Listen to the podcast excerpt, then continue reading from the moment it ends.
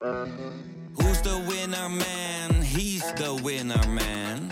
Is hij miljonair? Geen idee, maar nou en. Je hebt geen jackpot nodig to be a winner man. Oh oké, dat is wel lekker man. Dit programma wordt mede mogelijk gemaakt door Toto.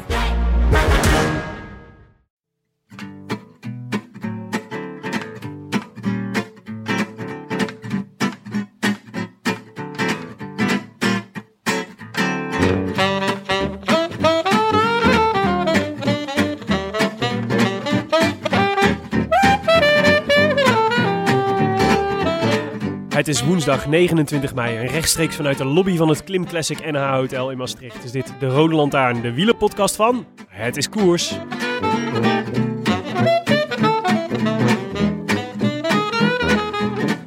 De Giro duurt nog vier dagen. Maar wat doet het Alpijn? Bij ons althans. De Giro zit midden in de bergen en wij zitten in het NH Hotel in Maastricht. Wat op dit moment chockvol wielrenners zit. Morgen is de Klim Classic. Een prachtige klimklassieker voor amateurs en een handjevol profs. Hier schitterden in het verleden kleppers als Laurens ten Dam en Wout Poels. In de Giro dachten ze, wel ja, we gaan gewoon nog even 150 kilometer over regionale snelwegen fietsen. Het vuurwerk bleef lang uit vandaag, maar het kwam toch op gang in de laatste beklimming. Landa moet weer knechten, dus fietst uit pure afgunst weer keihard de berg op.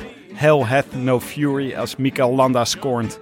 Maar voorin was een opvallende Fransman de finish al gepasseerd. Een steengoede dagwinnaar met een steengoede naam, Nans Peters. What a day for Zella Mondial. And maybe the most unlikely pick out of anybody in that breakaway is going to take the honours. Nons Peters is going to take his first victory as a professional cyclist. It's going to be the breakaway yet again at the Giro d'Italia. A first win at the Giro for the French team since 2011. And Nons Peters has arrived on the big time breakaway bonanza yet again at the Giro, and it's a fifth win for the break in six days. I wish I could be in the south of France. In the south of France, sitting right next to you. Nans Peters. Mooie naam hè? Echt een mooie naam. Ja. We hadden ook een, eh, we hadden ook een luisteraar die eh, vroeg eh, of eh, een paar keer Nans Peter wilde zeggen, omdat ze zich daarop verheugde. Ja, Marlies. Marlies Vastmel. Ja, die Volgens mij dezelfde. Marlies die, die een keer op de pont in Amsterdam met ons mee op de foto wilde.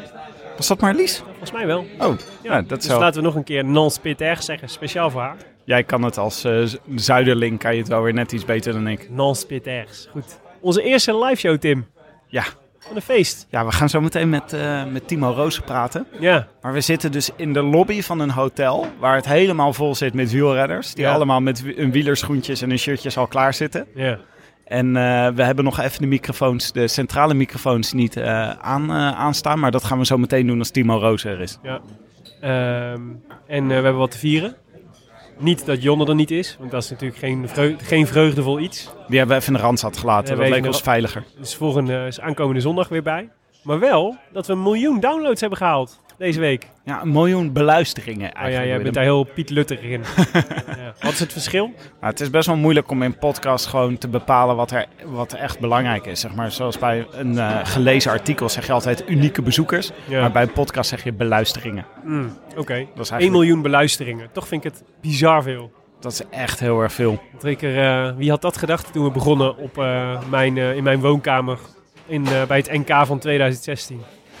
Ja, en het is natuurlijk wel vandaag in meerdere opzichten een bijzondere avond. Want nu we de 1 miljoen luisteraars hebben bereikt, nadat we begonnen zijn aan de, in de Tour van 2016, is nu onze, onze gast vanavond Timo Rozen. Ja, En dat was toch wel een beetje onze eerste held. ja, omdat, onze, hij, eer- onze eerste liefde. ja, omdat hij rode lantaarndrager was na de eerste aflevering. Nee, nee, dat is niet waar. De tweede aflevering ooit die we maakten. Ja, ja, dus NK was de eerste aflevering en toen eh, hebben we een dagelijkse show rondom de Tour gemaakt. En in de eerste, afle of de eerste etappe van de Tour viel eh, Timo Roos. En die werd prompt rode lantaarndrager in de eerste, na de eerste etappe van de Tour. En toen zijn we eigenlijk een beetje verliefd op hem geworden. Ja, je moet natuurlijk wel een etappekoers hebben om, eh, om een rode lantaarndrager te hebben. Ja. Dus dat was wel, dat, het kon ook pas in de, na en de het, was, tweede eh, het etappe. mooie was dat het ook zijn debuuttour was. Dus eigenlijk is de cirkel rond nu. Ja. Nu we Timo gaan spreken zometeen. Nou, ik vind het wel erg leuk om hem eh, te spreken. Hij heeft een echt bewogen, bewogen voorjaar gehad. Zo, zeg dat wel, ja. En eh, hij, werd ook, hij wordt gewoon steady steeds beter. Je moet ook eens kijken op Pro Cycling Stad. Dan zie je gewoon voor alle koersen die hij rijdt, dat Ja. hij steeds verder vooruit gaat. Ja, ja die moeten we hebben. Dus schrijf Hey, hem op ehm, voor de We voorjaarsklassiekers. zitten hier in de lobby, dus eh, we mochten geen eigen drank meenemen. Maar gelukkig had het hotel voldoende natjes voorradig. En bracht ze ons een Sini. S-S-I-N-E-Y. Ik denk dat het Sini is. Sini? Sini Blonde. Dit is vast iets waar we rectificaties op krijgen. ja, nee, ik denk echt dat het Sini is. Nou goed, als je, als je daar anders over denkt, dan moet je vooral even mailen. Willem, ik ga hier niet aan beginnen als we niet een, eh, iemand hebben die dit voor ons heeft voorgeproefd. Nou, ehm, dat treft. Want IJsdorf was op zijn post. Die, Ah. eh, die, eh, ik, ik, ik ga natuurlijk meteen, ik ga natuurlijk niet zomaar alles drinken wat het hotel mij voorschotelt. Ik check eerst wat de heren Dutch Dort Vader of IJsdorf erover hebben verteld. En IJsdorf had zowaar eh, de Sini eh, blonde geproefd. En die schreef helder geel bier met schuim. Smaak is hoppig en fris fruitzurig. Eh, ananas, sinaasappel blijft redelijk lang hangen. Nou, 3,4 sterren van de 5. Dat was redelijk tevreden. Blijft redelijk lang hangen, zoals ik hoop dat het publiek vanavond ook redelijk lang bij, bij ons blijft Ik hangen. hoop het ook. Proost Tim. Proost. Op de koers, Willem. op de koers. Ja, want voordat we naar, eh, naar eh, Timo gaan, moeten we natuurlijk eerst even over de Giro van vandaag praten, toch? Ja, het was een, eh, het was een bijzondere etappe. Ik zat me ontzettend op te verheugen. Ik weet eigenlijk niet waarom ik me speciaal op deze etappe aan het verheugen was. Nee, Maar het was in ieder toch geval misplaatste verheuging. Ja, ik heb toch. ik had niet echt de Giro-vibes met renners die zo lang over een soort regionale snelwegen aan het fietsen waren. Nee. Het is een beetje zo over brede wegen. Het was een heuvelachtig tot bergachtig terrein. Van Comezadura in de Val di Sole naar Anterselva. Ja, 181 kilometer. Met eh, eigenlijk, eh, ja, wat vooral, er zaten een paar heuvels in. Maar de laatste 5 kilometer waren eigenlijk wel redelijk eh, bepalend. Ja. 5 kilometer met 8,5 procent. aan 8,5 procent. Met een super raar, super rare finish. Ja, Het, soort, het was een soort Wario Stadium. Ja. Thij- ik zag Thijs Zonneveld twitteren, het is net Mario Kart, maar het was... ja het eh, was het Wario, Wario Stadium. Stadium. Ja, ja, ja Met- zeker. Er lagen nog Dat net geen baan. banaantjes en vraagtekens op, de, op het parcours. Ja, en eh, nee, precies. Maar ehm, ja, ik moet toch die, eh, hoe heet die, ehm, de parcoursbouwer van de, van, de, van de Giro? Is dat Mauro Vegni? Volgens mij heet hij zo, ja. Italiaan. Zou kunnen. Dat is niet de trainer van Chelsea, toch? Oh nee, dat is Sarri. Sorry, Maurizio Sarri. Ja, nee, dan is het volgens mij Mauro Vegni. Maar die krijgt altijd een soort bizarre lof over dat hij zo schitterende, schitterende parcoursen bouwt van de Giro. Maar laten we toch even constateren dat hij eh, ook voor deze etappe weer een dikke onvoldoende scoort. Want ik vond echt helemaal niks. Hij is de voorzitter van de Giro. Oh, oké. Nou ja, oké, niet de parcoursbouw. Nou, dan zal hij er in ieder geval inspraak in hebben gehad. Ja, maar ik weet was je niet tevreden. Ik ben een ontevreden Giro eh, parcourskijker. Ja, dat, ik ben het ook met je eens, maar het heeft ook met een soort algehele sfeer te maken. Ze hebben ook een beetje pech met het weer. Het is gewoon koud, het ziet er koud uit. Ja, En, eh, het voelt dat- niet als vakantie. En Zo moet een Giro eigenlijk wel voelen. Ja, en ook hier in Nederland hoefde ik vandaag niet de gordijnen dicht te doen. Wat ik ook een godsbij vind voor het wielrennen. Ja. We hebben hem een beetje eh, raar moeten kijken, hè, de etappe. Want wij zaten met z'n tweeën dus in de auto van Amsterdam op weg naar Maastricht. En eh wij hadden bedacht, als we om drie uur uit Amsterdam wegrijden, dan moeten we toch zeker wel om half acht in, eh, in Maastricht kunnen zijn. Maar dat was buiten de hemelvaartsdrukte gerekend. Want eh, Jeetje, mijn ja. hemel. De We moeder hebben- aller files. Ja, maar we hebben ook een soort eh, bizar... We, we hebben geloof ik wel drie ongelukken gezien onderweg. Ja. Waaronder een auto in brand op een snelweg. Dat had ik ook nog nooit meegemaakt. We hebben vijf uur hebben we in de auto gezeten hier naartoe. We hebben alles kunnen bespreken in het leven, Willem. Ja, We hebben gespeculeerd over alles wat Landa in zijn jeugd gedaan heeft. ja. Ik heb je diep in de ogen gekeken een paar keer.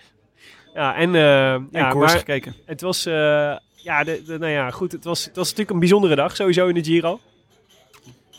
Oh, eh, je kijkt heel verwachtingsvol naar me. Ja, ik, ga nu, ik kijk nu naar jou om te vragen... waarom was dit een bijzondere dag in de Waarom Giro? was het een bijzondere dag in de Giro, Willem? Richard Carapaz was jarig Ja, en iedereen was het vergeten. Zo stom. Ja, maar ja, had hij maar een roze feesthoedje op moeten zetten. Ja, dat vind ik ook. Het zo'n was heel sneu. Hij werd op het podium geroepen en, eh, en eh, ze vergaat het vertellen dat het zijn verjaardag was. Hij werd niet gefeliciteerd door de organisatie van de Giro. Ja. Toen moest hij weer een keer terugkomen. Oh. Wij hadden er wel aan gedacht hoor, Richard. Ik dan toch. Is het eigenlijk Richard of spreekt ze, spreekt ze het daar anders Hoe zou jij het anders uitspreken? Ik denk dat er Richard Carapaz. Ik denk dat ze hem Richie noemen. Richie Carapaz. Richie Carapaz. Hm, goed. Maar eh, ja, het Of was, Richard. het, was een, eh, het was een etappe natuurlijk ehm, eh, ja, daags na de, na de zware Mortirolo-rit. Dus ehm, waarvan je al een beetje weet van, nou, de, de- en, en die niet, die dan zeg maar eigenlijk tussen eh, de- vrijdag en zaterdag komen er nog twee zware, echte zware bergritten. En dit was eigenlijk een beetje een tussenbergrit. Dus dan weet je, die is eigenlijk voor de vluchters. En eh, dus het was een spervuur van aanvallen in het eerste uur. En eh, uiteindelijk kregen 18 man de zegen van het peloton. Eh, en eigenlijk was dat een soort eh, all-star team van eh, aanvallers eh, van, eh, van alle ploegen. Ja, het was de Avengers van alle aanvallers uit, eh, uit, de, uit de Giro. Ja, ze zaten er eigenlijk allemaal bij. Wie eh, even de hoogtepunten vanuit uit de groep die ons ontsnapt was. Pardon. Nou, laten ze allemaal de credits geven om ze allemaal even te noemen, toch? Oké, ik zal ze even allemaal langslopen. Antunes, Van Drame, Jongels, Hamilton, Chris Hamilton, niet eh, Lucas Hamilton. Eh, Davide Formelo, Chavez zat erbij, Masnada zat erbij, Brambila, Bakelands. Je kijkt een beetje paniekerig om je. Ja, Nee, er hoor. wordt zoveel lawaai hier om Ja. heen. Maar ja, goed. Dat gaan gewoon eenmaal door. als je in een lobby opneemt. Bakelands was erbij, Bouwman was erbij, Nijlands, eh, Chris Nijlands, Mirko Maestri, Nans Peters, Peters, Nicola Chonti. Eh, Tanok, ik vind het trouwens heel verwarrend als Conti en Chonti met z'n tweeën rijden. Dat was, gebeurde vandaag weer. Tano Kangert zat erbij, Thomas de Gent, Valerio Conti en eh, Victor de la Parte. Ja, precies. Mooi groepje met eh, nou ja, Bouwman onder andere en Jan Bakelands. Daar worden wij natuurlijk gelukkig van. Sunwebber en eh, nee, Chris Hamilton ook. Nog twee, twee jongens van Sunweb. En die Bakelands was eigenlijk eh, de eerste die het probeerde. Op 70 kilometer van de streep ging hij weg. Heel vroeg, vond ik. Ja. Wel een beetje, eh, maar goed. Ja. Misschien probeerde hij een Chris Froome en dacht hij, ik kan het klassement hier nog omkeren. ja, ik kan hier, kan hier de, de, de zegen pakken voor Sunweb. Ja, 70 kilometer van de meet probeerde hij het. We dachten al, het is te vroeg. En eh, ja, dat was het bleek ook. Op 30 kilometer van de meet eh, werd, hij weer werd hij bijgehaald. En kwam de groep weer bij elkaar. En ehm, toen duurde het eigenlijk eventjes voordat de echte, de, de, de beslissende vlucht kwam. En ook daarvan dacht ik eigenlijk, die is veel te vroeg. Want Nans Peters ging op eh 15 kilometer voor, eh, voor de streep ging die al aan. ja, En met zoveel kleppers in de, in de, in de kopgroep dacht ik, ja, dit is misschien te vroeg, Nans. hij is goed hè. Hij was ook in de eerste week van de Giro, eh, stond hij ook de hele tijd bovenin het hij is klassement. goed. Omdat Maar hij blijft goed. Dat is knap. Ja. Ja. En hij, hij ziet er ook niet echt uit als iemand die heel erg snel een berg oprijdt. Maar hier, want hij heeft een beetje zo'n plomp eh, eh, figuur, weet je wel. Eerder een eh, goede tijdrijder of een sprinter. Maar hij deed hier de, de beklimmingen ook heel erg goed. Sterker nog, op de laatste beklimming had hij nog... Ze zei, weet je, je hoorde ook de commentatoren, of Karsten en Jeroen, die zeiden van... Ja, moet minstens toch wel een minuut hebben. Ja. Dat had hij ook toen hij aan de laatste klim begon. Maar dat heeft hij nog uitgebouwd. Ja, na superknap. Een halve minuut langer. ja, want hij heeft dus, ja precies, die minuut voorsprong en dan nog, en dat uitbouwen op de, op de klim. Terwijl toch echt niet de, de minste achter hem aanreden. Dus Ja. eh, eh, Chavez en Formelo, ja, dit zijn de gewoon erkende hardrijders bergop. Ja. En die reed hij gewoon, eh, die reed hij gewoon eh, nog verder op achterstand. Heel steady, goed Ja. geklommen. En hij is pas 25, hè? Ja, ja groot talent.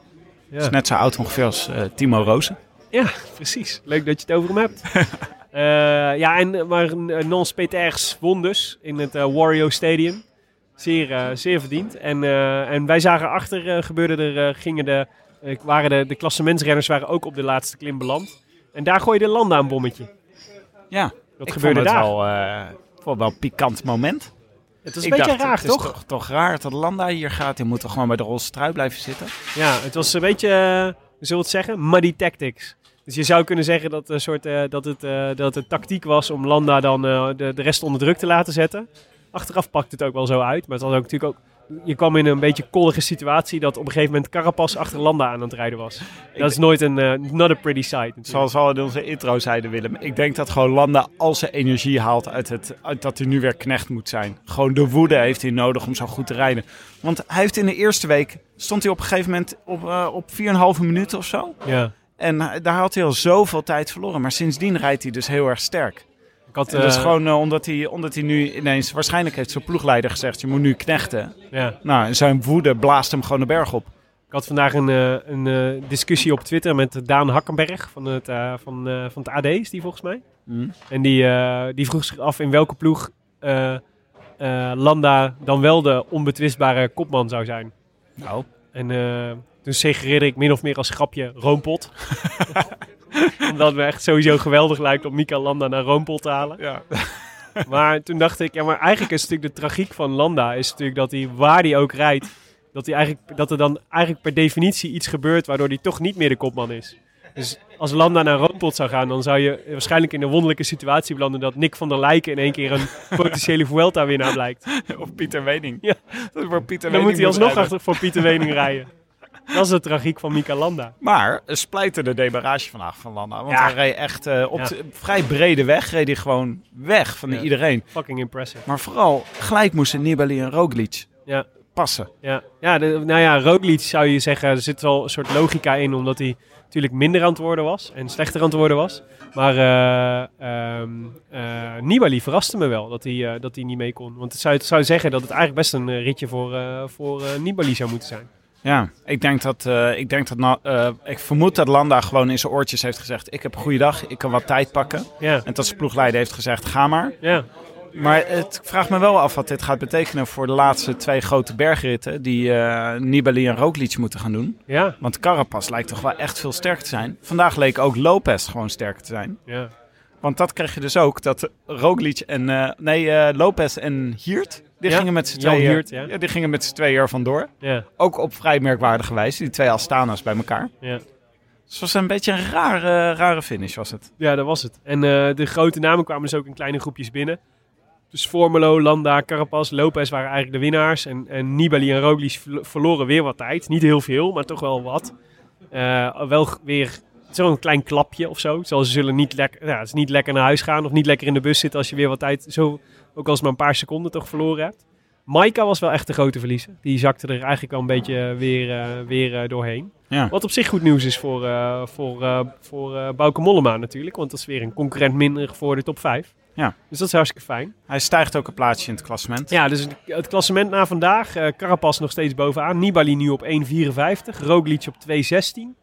Eh, Landa op 3,03. Bauke Mollema op 5,07. En eh, Miguel Angel Lopez op 6,17. Dus het staat, voor Mollema staat het, eh, staat het er goed voor hoor. En hij lijkt ook, hij lijkt ook gewoon goed te blijven. Ik hoop dat hij nog iets kan doen in de laatste dagen. Hij moet wel 2 minuten 4 goed maken op Landa. Dus dat dan, ja, dat is wel veel hoor. Nou, maar Willem, ik zie hier nog best wel een scenario voor me waarin Nibali en Roglic gewoon moeten gaan passen. Omdat ze zo met elkaar bezig zijn in een cruciale bergetappe. En Mollema... Mollema dan wel mee. Ja, maar die kan je nooit helemaal... Kijk, dat is gewoon... Mollema is een ander soort league. Die kan je nooit helemaal afschrijven. Dus die is altijd een 7. Ja. Dus ook als, eh als eh Ja, die wordt nooit een en. Nibali ineens een 4 zijn, ja, Ja. dan kan, eh, kan Mollema nog tijd pakken. Dus daar hoop ik op, op dat Ja. scenario. Ik help het je hopen. Maar ja, het, is, dus, ja wat komt er nog? Morgen een soort, ja, soort sprintetappe. Ja. Maar wie hebben we nog in het Akkerman en De Mare. Ja. Eh, dus het is ook wel weinig. Dus je zou zeggen, het is een, het is een potentiële sprintetappe. Maar er zijn maar twee ploegen die echt voor hun sprinter zullen willen rijden. Dus eh kans is ook nog wel dat er, eh, dat er gewoon weer een groepje wegrijdt. Maar niet een hele bijzondere etappe voor het klassement. Maar vrijdag en zaterdag worden nog zware bergritten. Dus daar kan nog echt van alles gebeuren. Twee kansen om het hele klassement nog, nog op te shaken. En dan zondag natuurlijk nog een tijdrit. Waar ook nog gewoon tijdverschillen kunnen... kunnen. Dus eh, er is nog veel mogelijk, ja. eigenlijk. Ik ben, eh, ik ben heel benieuwd, want eh, Timo Rozen gaat hier dus zometeen aanschuiven. Laten Ja. wij gewoon even, we gaan even naar de wc, we gaan even wat drinken inschenken. Publiek, er is genoeg publiek inmiddels binnengelopen. We gaan zo meteen live naar het gesprek. Ik ben ook erg benieuwd, ik heb zin om aan Timo te vragen wat Roglic nou eigenlijk voor type en voor ploeggenoot is. Ja, en of dat hij nog denkt dat hij kan winnen. Dus laten we het aan hem vragen. Neem heel even pauze, sowieso terug met Timo Rozen.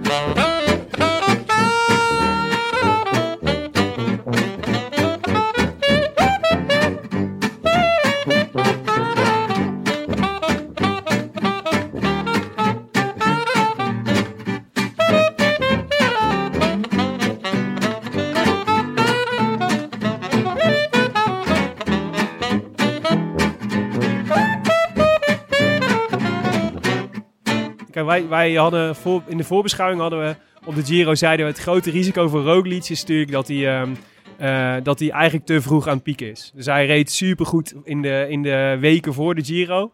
En eigenlijk weet je, die Giro is super backloaded dit jaar. Weet je wel? Dus de derde week is weer misschien nog wel zwaarder dan de, dan de voorgaande jaren.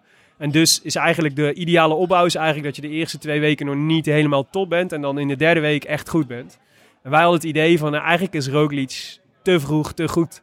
En kun je dat doortrekken naar de Giro? En bij jullie ploeg zeiden ze de hele tijd, nee, nee, eh, we hebben, het ligt op schema. Maar het lijkt toch wel een beetje uit te komen, toch? Ja, ja, als je het zo zag eh, in de voorbereidingskoersen was hij echt oppermachtig en eh, Ja, leek het bijna op spelen wat hij deed. Ja, dat Ja. was echt eh super sterk.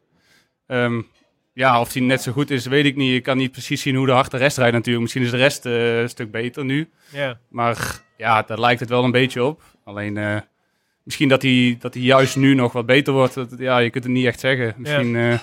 ja, het is lastig te zeggen op beeld hoe hard, eh, hoe hard ze ook rijden. Dus. maar het is, zo- het is volgens mij wat ook een beetje lastig is, dat hij was natuurlijk in die eer, zelfs al was hij in die eerste twee weken misschien ook wel niet zo goed, maar toen had hij nog wel een soort dat ongenaakbare aura, weet je wel? Mhm. Van eigenlijk dat idee van hij is echt onverslaanbaar. Ja, iedereen En was bang, ja. Ja, iedereen was bang. Dat zag je ook gewoon in de koers. En wat er dan, dan volgens mij gebeurt op het moment dat je ook maar één teken van zwakte laat zien. Ja, je zag het letterlijk bij Nibali gebeuren. Zeg maar, die keek hem even aan. Die dacht, hey, misschien ben je wel niet zo goed als we dachten. En hij is weg. Ja. En dan is, het gewoon, dan is het gewoon de haaien ruiken bloed. En je wordt aan, van alle kanten word je, is in één keer al het respect weg. En we gaan je gewoon keihard aanvallen. Ja, ja. Keihard. Dat is ook de manier van Nibali vooral, denk ik. Gewoon, ja, je echt killen en gewoon, eh, gewoon alles aan doen om overal tijd te winnen. En eh, ook een mentale spelletje erbij. Ja, Ja, ik denk dat eh Primoz, eh, ja, in de titel was hij supergoed in het begin al. En Ja. eh, iedereen was natuurlijk hartstikke bang voor hem. Maar misschien dat hij die eerste klimrit...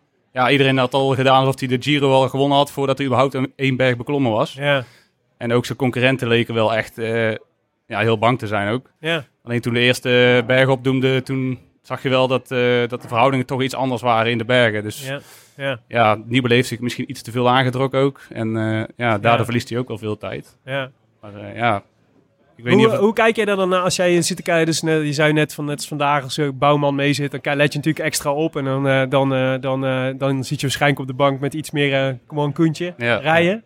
Ehm, en hoe, hoe, wat gebeurt er bij jou op het moment dat je ziet dat, zo, dat Roglic moet lossen? Is dan, ben je dan ook, zit je dan ook te balen op de bank van godsamme, dus Ja, gaat de kans? Ja, ja, dat wel. Het is gewoon, je hoopt dat hij dan zijn eigen tempo kiest en dat hij terugkomt en eh er overheen kletst of zo, dat, zoiets. Ja, Ehm, ja, je zit gewoon ook als fan te kijken van Roglic eigenlijk, dus van heel de ploeg. En, eh, ja. Maar Ja, daar zie je zit het ook. ook aan hem? Zie, zie jij, eh, als, jij hem, als jij naar Roglic kijkt, oeh, hij is niet goed nu? Ehm, nou, niet per se. Soms zie je wel dat hij een klein gaatje laat. Dat, dat is niet echt iets voor hem, denk ik. En dan zie je al wel dat hij een beetje op breken staat. Maar ik denk dat iedereen het wel ziet. Ik denk niet dat ik per se op dat vlak meer zie over hem dan eh, als je hem kent. Maar- Dus je, je ziet het niet in zijn ogen. ja, je ziet er, hij heeft niet zo heel erg een griemas. Maar je ziet hem wel... Ja, je kunt er wel iets a- aan afleiden wel. Je ziet wel van, nu zit hij wel een beetje op zijn tandvlees. En als hij dan net zo'n gaatje laat, denk je, ja, ik kan gewoon nu even niet harder. En dan hoop je maar dat, eh, dat de tempo iets naar beneden gaat. Dus je zit wel eh, in te leven, zeg maar. Ja. Jij, jij rijdt al eh, een paar jaar met hem in de ploeg. Ja. Je hebt vorig jaar ook de Tour met hem gereden, toch? Ja, ook. Daar reed ja. hij ook mee. Wat, ik, ik vind, het is echt een beetje een enigma, die jongen. Is eigenlijk- ik snap niet, ik kan hem niet zo goed plaatsen. Mhm. Wat nou, wat is het voor jongen? Als je Ja, hem zou moeten omschrijven. Ja, heel relaxed. Altijd eh, in de koers is het altijd van eh, geen stress en eh, ja, gewoon een beetje dolle. En ja, hij lijkt ook eigenlijk bijna nooit zenuwachtig voor een wedstrijd. Het is gewoon echt nooit moeilijk doen over dingen. Geen, ja, gewoon heel relaxed eigenlijk. Is het, dan dat op zich, klinkt een beetje ook als een atypische kopman, zeg maar. Als Ja, ja, het zijn wel veel klimmers die, die toch iets meer stress hebben. Ja. Ja. Roglic is wel iemand die qua persoonlijkheid ja, meer eh, richting een eh, sprinter gaat of zo. Maar, Ja, ja. ja. Maar Bedoel kan je wel... daarmee- wat, wat bedoel je daarmee? Meer richting een sprinter? Ja, ze, die zijn toch vaak wel iets, eh, iets relaxer richting de koers en iets losser of zo. Het is toch wel iets... Ja? Aan de persoonlijkheid zie je wel, eh, wel wat verschillen. Maar wij hadden het er net over dat we dachten dat de sprinters eigenlijk altijd wel een beetje de macho's van de koers zijn. Ja. Maar is hij ook, eh, voert hij het hoogste woord in de, in de bus? Nee. Als je met hem... eh, Nee, qua macho... Nee, zijn macho gehad is er niet... eh, nee, dat niet. Maar gewoon het... Ja, het gewoon niet te moeilijk doen over kleine dingen of zo. En eh, niet alles tot in de puntjes perfect willen doen. Misschien een keer een biertje drinken eh, na de koers. Dat soort dingen gewoon niet... eh. dat, doet, dat doet hij wel gewoon. Dus- Ja, en een, bier- een biertje drinken, dat doet hij wel, eh, ja. Ah, ja. En heb je veel contact met hem? Eh, nee, nu niet. Als je een keer iets wint, dan stuur je wat. Of als er iets is, dan eh, stuur je wel eens wat. Maar verder... eh, Je rijdt ook niet heel veel koersen koers. met hem waarschijnlijk. Eh, nee, ja, vorig jaar in de Tour en qua koersen, ja, zo voorbereidingskoersen kan het nog wel eens, maar niet zo heel vaak, nee. Ja, ja. Oké. Hey, ehm, eh, in, de, in de Rode Lantaarn, eh, als we grote interviews hebben met, eh, met renners, dan hebben we denk altijd, denken we altijd, we moeten een manier bedenken om, je om ze beter te leren kennen. En ehm, dan maken we altijd dankbaar gebruik van, van ons favoriete blad, Voetbal International. Ah, ja. Lees je het wel eens? Nee, maar ik heb wel eens deze rubriek. eh, Ja, heel goed, heel goed. In eh, Voetbal International staat de legendarische rubriek VI persoonlijk. Dat is, de, dat is die rubriek waarin voetballers altijd aangeven dat hun favoriete boek de ontvoering van Freddy Heineken is door Peter R. de Vries. Daar eh, zou je hem van kunnen kennen. Maar dat zijn eigenlijk dat zijn doorgaans twintig vragen over allerlei onderwerpen en allerlei thema's. En, en wij laten, wij laten de, de mensen die we interviewen altijd een aantal, een aantal nummers noemen. En daar, hoorden we da- daar, daar hoort dan een specifieke vraag bij. Dus eh, aan jou, Timo. eh, een getal tussen de 1 en de 20 mag je noemen. 15. Hoogtepunt is de vraag. Wat was je hoogtepunt tot nu toe in je profcarrière? Ehm, ja, ik denk Canada afgelopen jaar. Dat was wel, wel het hoogtepunt voor mij. Gewoon qua hoe het voelde en hoe het, eh, hoe het verliep. En ja, ook de uitslagen. Ook Ja. zeg maar vooral Montreal was voor mij.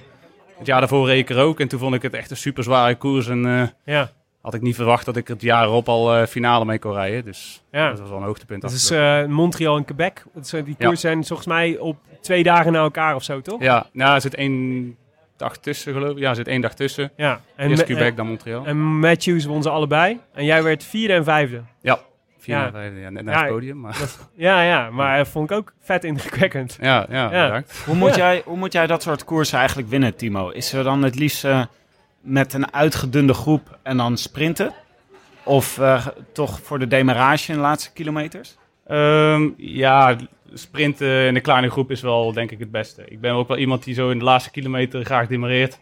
Deed ik vroeger ook te vaak dat ik niet echt op mijn sprint vertrouwde dat ik toch iets eh, wou proberen. Een beetje Danny van Poppel syndroom. ja, maar dat is niet de laatste kilometer altijd. Ehm, maar eh, ja, sprinten in een kleine groep, als het een beetje oploopt, het liefst eh, in de laatste kilometer of zo, dat, eh, dat ligt mij het beste denk ik. Ah ja, sprint, vals, plat omhoog. En Ja. dan groepje. Ja, Ja, maar nu was het nog een flinke groep. En ook met niet de minste erin. ja. En je wordt gewoon vierde. Ja. Ja. ja wat, maar wat ging, er nu, wat ging er nu goed dan? Had je gewoon, ik bedoel, het makkelijkste stuk, ja, ik had goede benen. Mhm. Maar wat ging er nu goed wat er anders dan misschien niet zo goed gaat? Eh, ja, de vorm was er sowieso gewoon goed. Ja. Ehm, ook gewoon heel ontspannen richting die koers geleefd. En verder was het... eh, ja, ik had er gewoon heel veel zin in. Dus ik, ja, ik denk dat ik gewoon ook echt vorm had. Ja. Anders eh, lukt dat niet. En verder was het gewoon in de koers ook gewoon rustig blijven. Ik ken die koers, had ik al een paar keer gereden. Dus ik denk dat dat ook veel scheelt, die ervaring. ploeg ook voor jou? Ja, ik eh, kreeg help, eh, Ja. hulp. Dus eh, ja, dat is ook was wel tof. Om, Ja, ik gaf Het is vertrouwen. ook niet zo heel vaak, toch? Dat je dat ze dat ja. Het Nee, precies. Ik gaf veel vertrouwen. Dus dat was ook... eh, is mooi dat je dat dan kunt terugbetalen. ja, ja, ja. Ja. Ja. Heel veel renners zeggen ook dat ehm Geesink had dat ook toch een beetje. Dat soort dat die die koers in Canada, omdat het allemaal net wat relaxter is en bredere wegen en zo en fijn klimaat doorgaans en het, is een soort eh, leuke, leuk schoolreisje met, eh, met de ploeg. Ja, ja. Dat ze het heel fijn vinden om daar te koersen. Heb jij dat ook? Ja, jawel. Ik had er al een paar keer gereden. Vond het altijd wel een leuke koers. Je rijdt er, eh, je rijdt er iedere keer rondjes. Dus ik vind dat altijd best wel leuk. Dat je gewoon telkens beter wordt in het parcours en in de koers aanvoelen waar je van voor moet zitten bijvoorbeeld. Ja. Ehm, ja, en gewoon een heel andere wereld. Het verschilt natuurlijk niet heel veel. Maar het is wel gewoon een leuk uitje waar je veel nieuwe dingen ziet. Dus Ja. dat is ook, eh, ja, plezier is ook eh Ja, dat aanwezig. is, is ja. ook wel waard, zeker. Ja. Oké. Oké, nog, een, eh, nog een ander nummer uit, eh, uit de VI persoonlijke rubriek. Vijf. Vijf. Muziek. Wat voor muziek hou je van? Eh, ik heb wel een brede muzieksmaak. Ehm, ja, R&B en hip-hop vind ik eh, is wel mijn favoriet, met pop. Ehm, Wat voor dingen? R&B? eh, Amerikaanse hip-hop, maar ook Nederlandse, wel, ook wel redelijk breed. Mhm. Maar eh, ja, Amerikaanse rappers en eh, Luister, je ook iets voor de koers? Zoals een voetballer altijd met zijn oortje het stadion inloopt. Dat jij voor de koers even, om even opgepompt te beginnen. Ja, ik heb wel een, tijdrit playlist ook. En als ik dan op de tak Ja? zit, dan zet ik die aan en dan eh om mezelf een beetje op te peppen. Alleen als je aan de tijdrit gaat beginnen. Of ook thuis op de tax gewoon even... even Ja, je- je intervallen dan wel. Als ik echt een zware interval eh, van mijn treden moet doen, dan, eh, ja, dan komt die wel van pas. Ja. En hebben jullie dan ook, hebben jullie hier bij eh, Jumbo-Visma ook een bus-dj? Die zeg maar in aanloop naar de... Een bus-dj? Ja, dat zag ik, ja, zag dat dus bij eh Quickstep. Zag ik, uh, we hadden beelden bij Sporza over de, dat, ze, dat ze met de bus naar de Ronde van Vlaanderen reden. En dat daar werd echt stevig eh, dikke house gepompt. Oh, Om die ik gasten allemaal een beetje- Jacques Brel dacht ik bij Ja, Quickstep. maar daar is Iljo Keizer is daar de, is daar de, ja. house, de, de, de, de Ga MC. met die bananen en zo, dat soort ja, ja, dingen. ja, ja, precies. Ja. Ja, Ehm, niet meer hè nu. Nicky is weg. Ja, ja, dat is waar. Dat was het maar. Eh, bij ons, ja, wisselt wel. Ik denk, eh, eerst was ik het wel een tijdje. Ja? Maar ja, als je, als je de DJ bent, krijg je wel vrij veel commentaar altijd. Dus eigenlijk, eh, Oh. Het zal wel, ja. het ligt wel veel uit elkaar, eh, de muzieksmaak. Maar wie zeikt er altijd aan over de muziek? Is dat Primos? Zegt hij... Nee, ik denk Steven Kruiswijk, die wil gewoon de hele tijd Toto horen. Toto. Is er iemand van wie je altijd klachten krijgt als je muziek opzet? Eh, nou ja, er zijn wel de, de wat oudere renners hebben wel een heel andere muzieksmaak dan eh, de jongeren. Jos van Emden bedoel je? Ja, bijvoorbeeld, die luistert wel naar de, de rock en zo, waar wij niet, eh niet zoveel naar luisteren. Maar andersom, als hij zijn muziek opzet, dan eh hij zegt- nog meer commentaar. Dit zegt ons veel hoor, over de psyche van renners. Ja. Belangrijk om dit op tafel te hebben. Zullen we nog eentje doen uit het lijstje persoonlijk? nou ja, graag. Heb je nog een nummer? Ehm, Niet stiekem op mijn lijstje kijken. drie. Ja, partner. Nou, die zit daar. Oh, in de zaal. Timo knikt nu naar de zaal. Applaus voor Lopke. Lopke. Ja, Lopke is mijn vriendin. Lopke heeft ons net op Instagram gezet, toch? Eh, ja, ik weet niet of ze zoveel op Instagram zit, maar ze maakt een foto in ieder geval. Hoe lang, eh, hoe lang, hoe lang kennen jullie elkaar al? Eh, ja, oh jee. Tien jaar zie ik. Tien jaar. Oké. Ja. We hebben het iets meer dan zes jaar. Ik, ik, Zeven.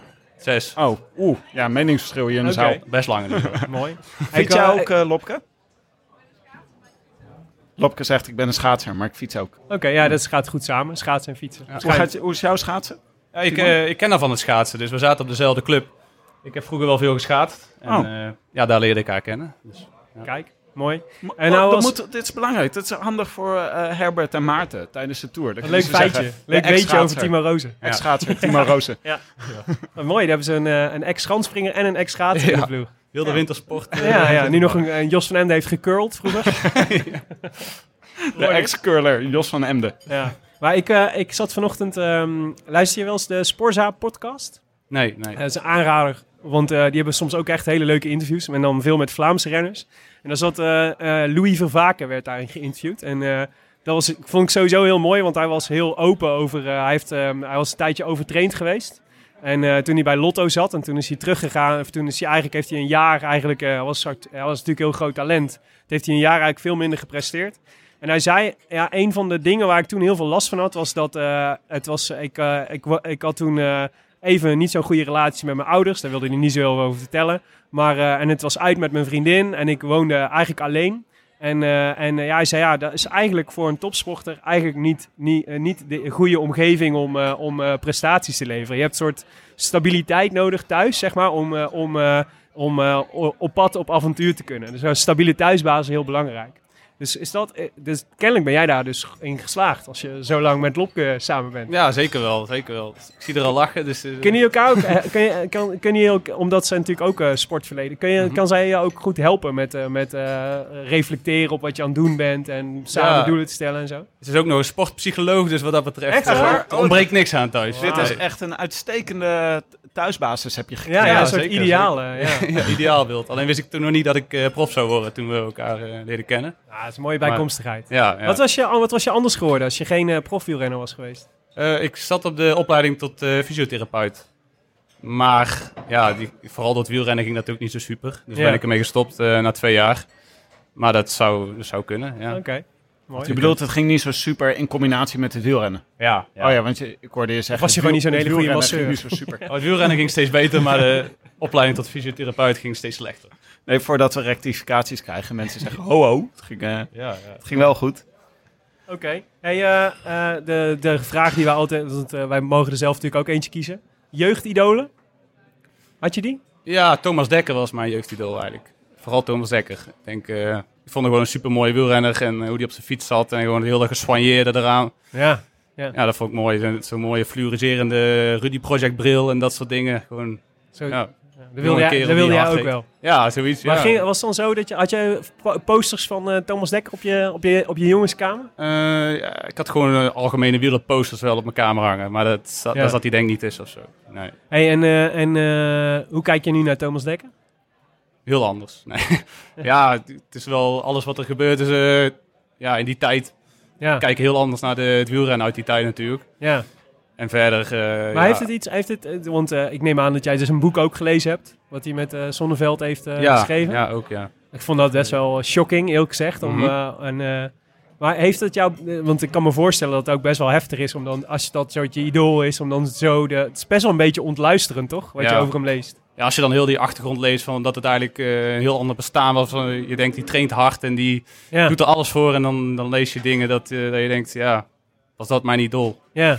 Maar ja, uiteindelijk kun je het wel relativeren. Het is eh, uit die tijd en ja, En, de, en, de, ja, en ja, het is uit die tijd. De wereld die hij daar beschrijft over, eh, oh, hè, dus over hoe het wielrennen was.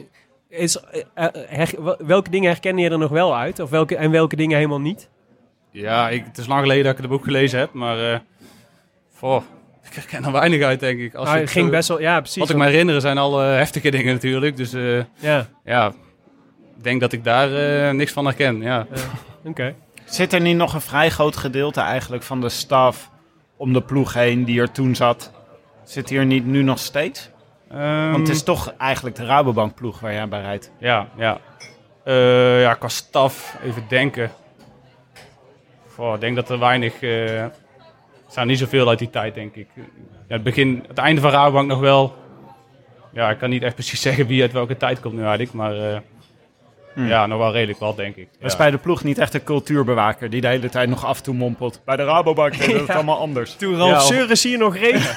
Toen bij Buckler, toen was alles beter. dat is natuurlijk waar. ja.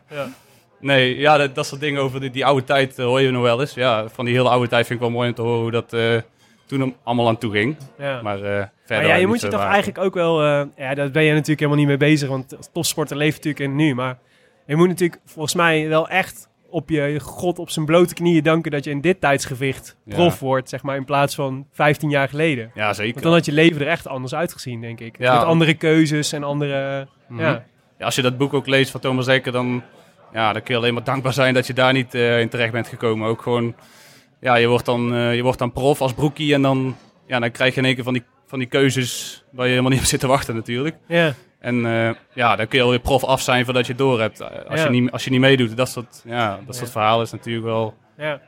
Kun je dankbaar zijn dat je, dat je nu bent, ja. Oké.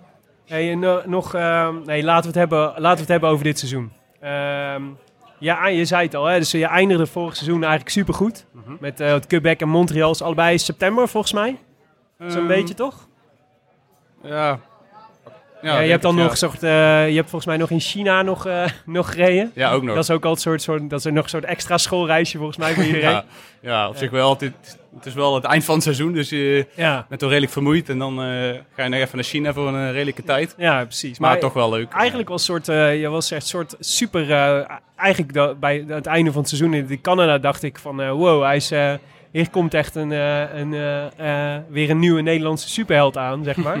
Die we eigenlijk hadden onderschat als zijn renner, een goede renner voor in de, voor in de sprinttrein. En hij kan, kan hard fietsen. Mhm. Maar ja, als je vierde en vijfde in, in Canada kunt worden, dan kun je ook wedstrijden gaan winnen en zo. Weet je wel? Zeker als je een beetje, als je een beetje goed uitzoekt. Ja, En met, zeker in combinatie met je leeftijd. En, en volgens mij was dat ook wel een beetje van als we die lijn nou kunnen doortrekken in het voorjaar. En dan vervolgens, weet je, wel, dan eigenlijk het seizoen min of meer gewoon een seizoen waar je dan dat be- beeld kunt gaan bevestigen. Mhm. Maar het liep een beetje anders dit, Ja, eh, ja. dit voorjaar. ja zeker.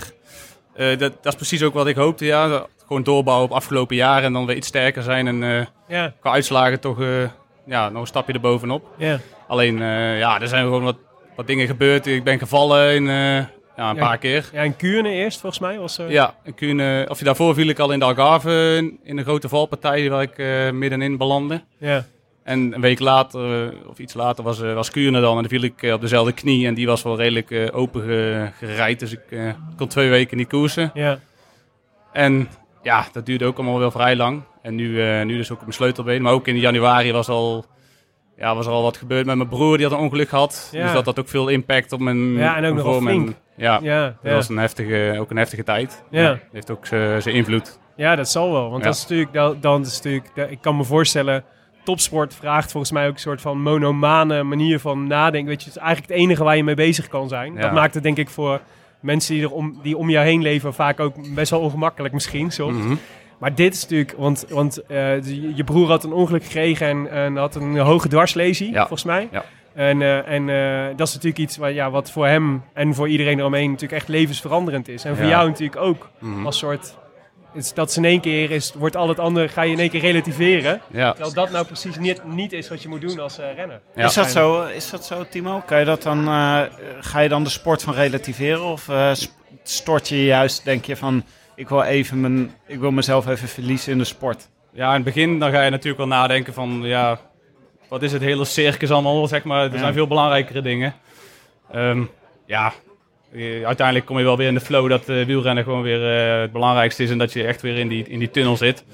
Maar in het begin, eh, helemaal in het begin denk je daar natuurlijk wel over na van eh, hoe gevaarlijk het fietsen natuurlijk is. En eh, in de training alleen al, hij is eh, ook aangereden op de, vanaf de fiets, zeg maar, ook op de racefiets. Ja. En eh, ja, dat soort dingen ga je wel, je gaat wel een heleboel relativeren. Maar uiteindelijk wil je, zet je de, de knop ook weer om en bedenk je wel weer dat dit het belangrijk, ja, ook heel belangrijk is voor mij natuurlijk, gewoon het wielrennen, hoe leuk ik het ook vind. Dus. Hoe gaat eigenlijk, eh, hoe gaat je ploeg daar dan mee om? Want wij, wij, wij, zaten vaak, wij, wij horen vaak eh, renners ook zeggen van het is bijna een soort trauma's die je oploopt in de koers van valpartijen en het geweld gewoon wat je aangedaan wordt. Ja. Ja, hier het natuurlijk helemaal een exemplarisch voorbeeld van. Maar hoe, eh, hoe wordt dat in, bij jou in de ploeg? Wordt dat, gaan, zeggen ze dan ook, je moet even met een, eh, een psycholoog hierover gaan praten? Of is het gewoon teamgenoten die zeggen, kom we gaan even... We gaan even zitten en hier uitgebreid over praten. Is, dat, er- is daar een eh, infrastructuur voor? Ja, ja, ja, ze hebben me sowieso al veel tijd gegund en echt de rust om eh, alles even te verwerken. En daarbij hebben ze ook... eh, Vrijgegeven gewoon. Wat zei je? Vrijgegeven? Ja, ja, in het begin wel echt, echt de rust om gewoon even alles te doen wat ik wilde, zeg maar. En gewoon te trainen hoe ik het wou. En in het begin was dat ook moeilijk om te trainen, was ik was gewoon van alle emoties alleen al super vermoeid.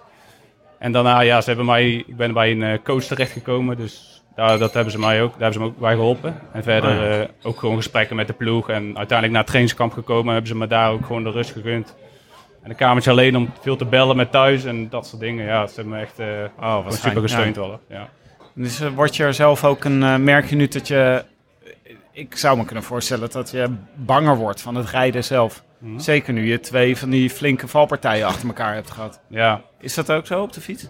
Ja, in het begin dan denk je wel iets te veel aan valpartijen. Het is wel, als ik er nu aan terugdenk, toen had ik het niet per se door, maar dan zit je wel te denken, wat als ze nu vallen of zo, als je weer in het peloton zit. Ehm, maar ook in training, in het begin in het verkeer, denk je ook weer te veel na over eh, hoe mensen zich gedragen. Dat ze niet beseffen hoeveel gevolgen het kan hebben voor iemand en voor eh, alleen al de omgeving van iemand. En ja, uiteindelijk, eh, uiteindelijk als je weer vaker koerst en weer vaker aan het trainen bent, dan wordt het ook weer gewoonte en dan gaat het ook weer, ja, zakt dat ook weer bij mij in ieder geval. Het is toch eigenlijk ook ontzettend gevaarlijk om te trainen als dus het parcours niet is afge- afgezet. Ik vraag me altijd af, hoe train je een daling eigenlijk als er nog allemaal ander verkeer op de weg is? Ja, het beste is natuurlijk in de koers als de weg afgesloten is en verder, eh, ja, dan gebruik je de helft van de weg. Dan, eh, dan zie je het maar als een smallere weg. Ja, en Je doet het wel gewoon. eh, gewoon eh, pro- eh, ga je ook wel eens op vol tempo dalen tijdens een training, terwijl er Nee. auto's op de weg zijn? Nee, dat niet snel. Echt maximaal eh, afdalen dat doe je eigenlijk alleen in de koers wel. Dus eh, ja, verder kun je dat niet echt doen. Er zijn wel, in Spanje trainen we wel op heel rustige wegen, maar dan ga je het risico ook niet lopen. Misschien in een overzichtelijke bocht dat je, ja, dat je iets, iets harder doorheen gaat, maar je gaat niet, eh, niet op de max naar beneden dan natuurlijk. Maar het is, wel, eh, het is wel al met al, dacht ik. Er moet wel echt een heel raar en ook wel. ehm, ja, ja, teleurstellend is natuurlijk een gek woord als je net zoiets, eh, net hebt meegemaakt met je broer. Dat wil, ja, dan is niks meer. Dat, je gaat, kan wel alles relativeren. Maar weet je, als je dan met zo'n high het seizoen uitgaat en dan eigenlijk dat dit dan gebeurt en, je, en inderdaad vervolgens je eigen knieblessure waardoor je even uit de race bent en dan ben je weer, eh, kom je weer eigenlijk in vorm net. California ging volgens mij best wel goed. Val je, breek je sleutelbeen. Eh, nou ja, eh, mis je de Tour sowieso. En, eh, en, en nou ja, ik, ik weet niet wanneer je weer terug bent. Waarschijnlijk in Zwitserland zijn net. Zeg maar, dat is een beetje het doel. Ja. Maar is eigenlijk is gewoon ja, half jaar waarin, eigenlijk, waarin je stappen had willen zetten. Of willen laten zien van Mhm. hier is Timo Rozen. Het lijkt me lastig ook voor jou om, om dan soort... je moet echt wel mentaal sterk zijn om daar dan weer goed, om daar goed mee om te kunnen gaan, volgens mij. Ja, ja, je moet, ja. De eerste keer dat je valt, dan denk je, ja shit, dit, eh, dit is kloot. En misschien dat je een wedstrijd mist of eh, wat slechter rijdt even. Maar als je dan in één keer twee weken stil ligt al, dan, dan begin je al te balen natuurlijk. En ook vooral, je, je kunt er zo weinig aan doen, want je moet gewoon, Ja, moet gewoon even rusten en je, je kunt niet eens bewegen. ja, Dus eh, ja, er zijn natuurlijk al daar dat ik hartstikke chagrijnig thuis zat. ja. en eh, ja, mijn vriendin die knikt, knikt ja. Het zal wel waar zijn. Ja. En ja, het is gewoon, je je probeert maar eh, weer te focussen op wat er gaat komen. En dan maar weer richting eh, de volgende koers eh, te verheugen en eh, op te bouwen. ja. En gewoon vol bezig te zijn met herstel ook. En ja, dat is het enige wat je kan doen. Dus ik zeg niet dat ik het altijd leuk vond, maar ja, Ja. het moet nou eenmaal. Ja. Ja, ja, ja. Hoe werkt dat dan eigenlijk als je... Maak je dan, zet jij de hele tijd de afweging in je hoofd te maken dat je denkt... Ik ben nu 26, ik heb nog een contract voor twee jaar of zo. Dit komt heel erg slecht uit, dit vallen. Ik moet snel weer beter worden. Zijn dat overwegingen die je in je hoofd hebt? Nou, dat, schiet wel eens door je hoofd natuurlijk, dat soort dingen. Maar ja, uiteindelijk, eh, uiteindelijk is er ook nog wel, eh, zijn er nog genoeg koersen wat dat betreft. Dus eh, het kan wel een hele poos meezitten, maar ik ga, ja, ik ga ervan uit dat het wel een keer de goede kant uit gaat draaien voor mij. En dat het hopelijk dit jaar ook al gewoon een stuk beter gaat en dat ik ook een hele poos gewoon op mijn fiets blijf zitten. En ja, het is niet dat je de hele dag natuurlijk met doemscenario's in je hoofd gaat zitten of met eh, negatieve gedachten. Soms komen die wel eens, maar ja, uiteindelijk eh, denk je vooral aan de toekomst.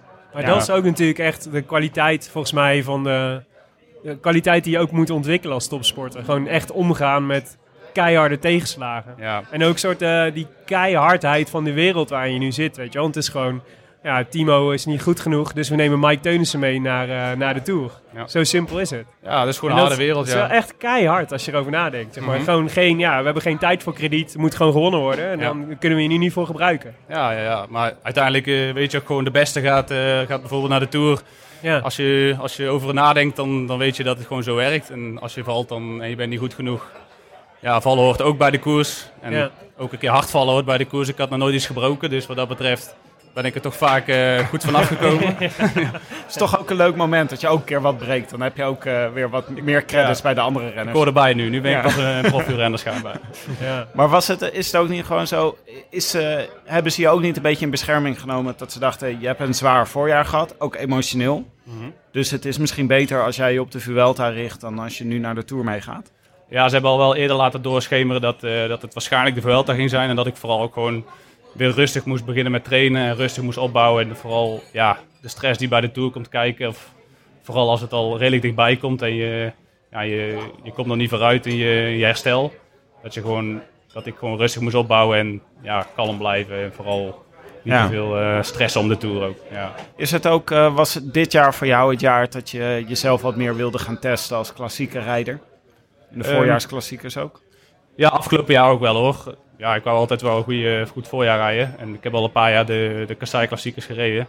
Maar dit jaar ja, had ik wel gehoopt om betere uitslagen weer te rijden en weer iets sterker te zijn. Want wat eh, had je, maak je dan een soort planning voor het jaar of zo? Van dit jaar wil ik, eh, heb je dan van tevoren opgeschreven, dit jaar wil ik eh, sterk zijn in de voorjaarsklassiekers en wil ik in de sprinttrein mee naar de Tours. Zijn dat dan je doelen voor het jaar? Ja, precies, precies dat.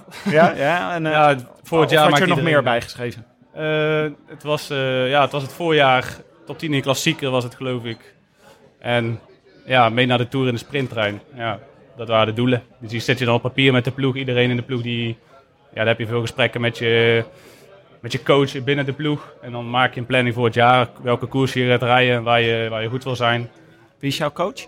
Marijn Zeeman is mijn, eh, mijn trainer. Oh ja. En Siek Jan is mijn, eh, mijn coach binnen de ploeg, zeg maar. Dus ze hebben gewoon een Excelletje waarin staat welke doelen welke renner heeft. Ja, het en uitgeprint heb ik het ook thuis liggen, dat ik er eh, vaak aan herinnerd word.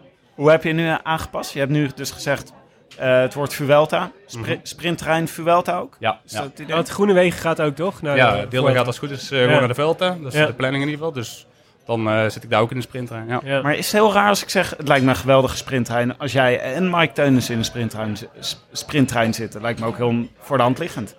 Ja, ik denk dat ik zou het wel leuk vinden. Ik denk dat we wel, eh, wel een goede, goede ploeg hebben dan. Ja. Dan heb je ook nog Amund. Die is ook super sterk in de Tour. eh, daar gaat, die gaat naar de Tour. Dat is vooral een hardrijder, toch? Dus is die niet, is niet zeg de maar- laatste man, niet zeg de maar, net als ja. jij Ja. Of, eh, of Mike. Hij is de, de ene laatste man, Ja. normaal gesproken. Ja. Hij kan eh, lang hard rijden. Hij heeft ook wel een eh, prima sprint, is wel explosief. Maar wel iets langere inspanning in de sprinttrein doet hij normaal gesproken. Ja. Ja. Wat was, eh, wat was eh, voor jou, eh, als je nou, want dat- die lead-out heb je natuurlijk de afgelopen jaren wel gewoon eh, geperfectioneerd met Dylan, hè? Mhm. En ehm, als jij nou terugdenkt aan, eh, aan, eh, aan al die koersen met hem, wat, wat was de- voor jou de beste lead-out die je tot nu toe hebt gedaan? Heb je, heb je, kun je dan meteen een koers ervoor halen waar alles perfect ging? ja, Dubai. Ja, dat tipte iemand ons ook, toch? Ja. Iemand zei ook, eh, misschien moet je deze eh. Even kijken hoor. ja de, de, de Dubai Tour. Wat, de- neem ons eens mee, wat, want eh, wij zijn altijd heel benieuwd van hoe... Arjan Arts tipte ons dat. Ja, Kijk. want van, dus, dus kennelijk meer mensen opgevallen dat dat echt perfect ging. Mhm. Waarom ging het perfect? Wat was er goed aan? Ehm, ja, we zaten daar eigenlijk met z'n tweeën, Dylan en ik, zaten tussen een hoop treintjes in. En ja, ik denk uiteindelijk wat het goed maakt, is dat we er gewoon van een ingesloten positie eigenlijk ja, ruimte hebben. En ja, goede timing. De Ja. timing is goed. En ja, dat we er überhaupt uitkomen in zo'n positie eh, is goed. En ook dat Dylan het afmaakt is natuurlijk... Als jij, eh, want wa- dus wa- wanneer begint jouw rol, zeg maar? Een kilometer voor de streep, zo'n beetje?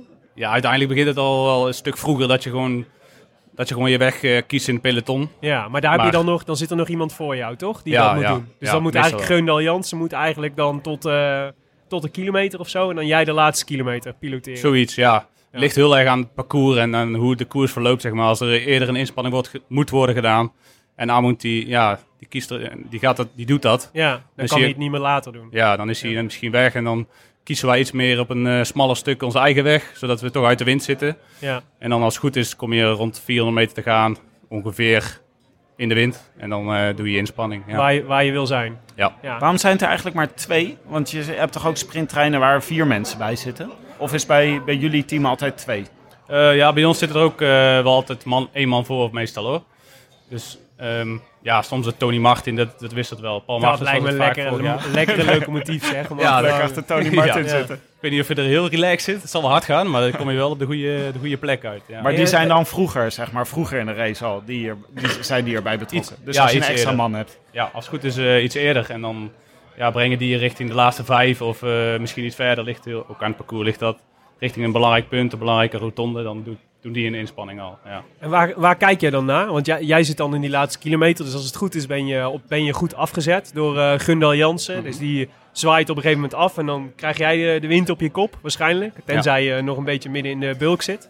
Waar let jij dan op? Wat, zijn dan, wat, wat gebeurt er dan in jouw... eh, ben je dan nog, heb je dan nog tijd om te communiceren? Of om überhaupt na te denken? Of gaat alles intuïtief? Eh, ja, gaat heel erg veel op intuïtie wel.